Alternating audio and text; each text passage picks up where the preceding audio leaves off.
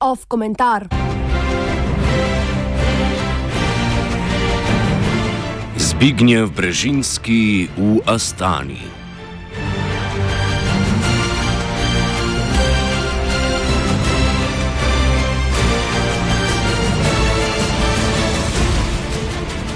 Kazahstanski prestolnici Astana so se začeli pogovori med sirsko vlado in oboroženo opozicijo oziroma opozicijo. Pogovori bodo predvidoma potekali zgolj dva dni, obe strani pa sta upozorili, da večjih prebojev ni pričakovati.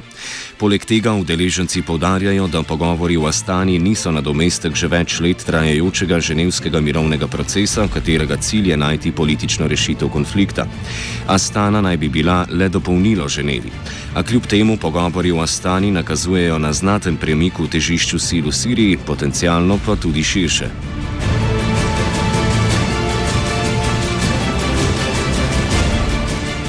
Gre za prvi primer pogovorov o razrešitvi sirskega konflikta, v katerem sodelujejo zgolj akteri z neposredno močjo na bojišču. Vsa prejšnja pogajanja, ki so potekala v okviru ženevskega mirovnega procesa, so potekala v precej bolj razširjeni sestavi.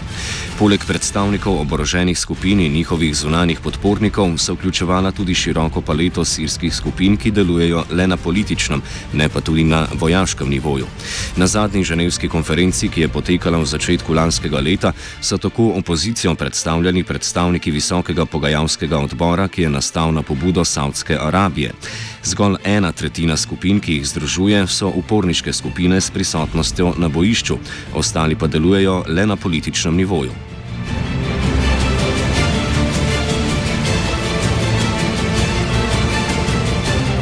Pregled udeležencev na pogajanjih v Astani kaže nekoliko drugačno sliko. Prvič, vloga Rusije v pogajanjih se je prevesila iz branilke vlade Bašarja al-Assada proti kvazi neodvisnemu medijatorju. To vrstno spremembo v poziciji Rusije je priznal tudi tiskovni predstavnik uporniške delegacije. Rusija pač ne želi ostati dogmatično upletena v neskončni konflikt, temveč želi po zmagi v bitki za Alepo vojaško zmago pragmatično preleviti v vzdržen političen dogovor. Podobno velja za Iran. Predpogoj za začetek političnega procesa pa je stabilno premirje. Zato so drugič iz procesa izključeni vsi na Zahodu živeči samooklicani politični predstavniki sirskega ljudstva, ki za ureditev razmer na bojišču predstavljajo nerelevanten balast ali pa celo zavoro.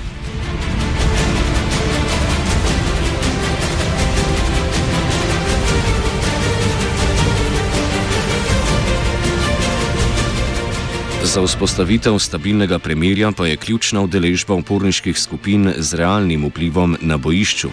Tako se tretjič pogovorov udeležuje 14 uporniških skupin, med njimi tudi ena najvplivnejših, Žajš al-Islam, ki z nekaj manj kot 20 tisoč borci nadzoruje ozemlje na vzhodnem obrobju Damaska. Udeležba Žajš al-Islam, katere voditelj je tudi predstavnik vseh uporniških skupin v Astani, je odraz turškega pritiska, morda pa tudi vsaj tihega odobravanja Saudske Arabije. Turčija in Saudska Arabija sta namreč najmočnejši tuji podpornici omenjene skupine. Po drugi strani se sicer pogaja ni udeležila še ena izmed najvplivnejših uporniških skupin, to je Ahrar al-Sham, ki jo prav tako podpirata Turčija in Saudska Arabija, a je ta skupina že v preteklosti odklanjala sodelovanje v vseh mirovnih procesih.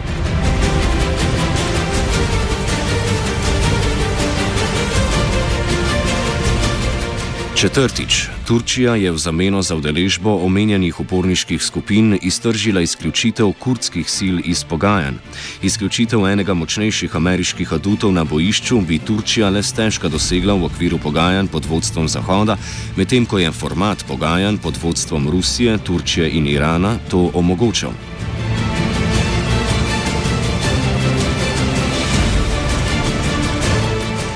Pogajanja v Astani so tako rezultat spretne politične igre Rusije, Turčije in Irana, ki vsem trem silam omogoča izpolnjevanje lastnih interesov in do neke mere determiniranje predpostavk, na katerih bo temeljil morebitni prihodni politični proces.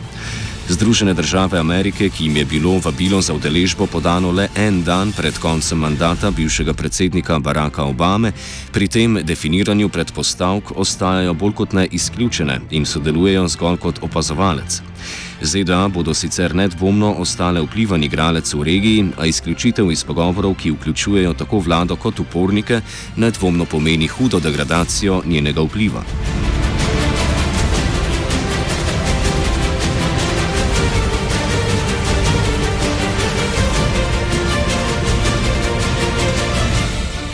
Nekdani ameriški svetovalec za nacionalno varnost eh, Zbignjev Brežinski je v knjigi Velika šahovnica ameriško geostrategijo v Evraziji povzel takole. Ameriška geostrategija v Evraziji vključuje namensko upravljanje geostrateških dinamičnih držav in previdno rokovanje z geopolitično katalitičnimi državami z namenom ohranitve edinstvenega svetovnega vpliva. Povedano v izrazoslovju imperijev iz preteklosti so trije imperativi naslednji: preprečevanje sodelovanja in ohranjanje varnostne odvisnosti vazalov, vzdrževanje obogljivosti in zaščite podrejenih držav ter onemogočanje združitve barbarov.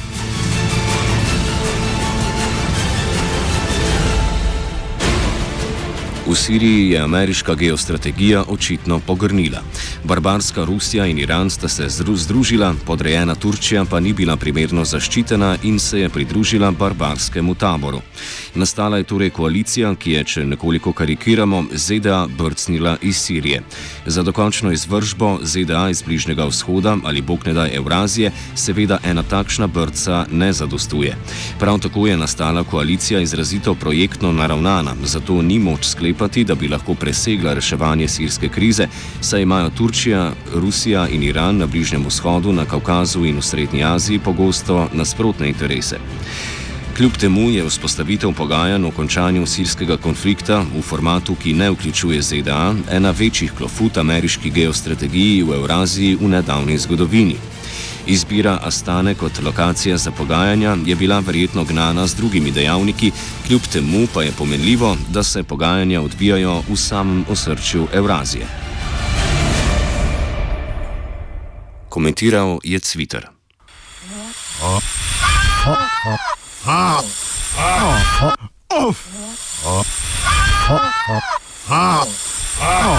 Off komentar.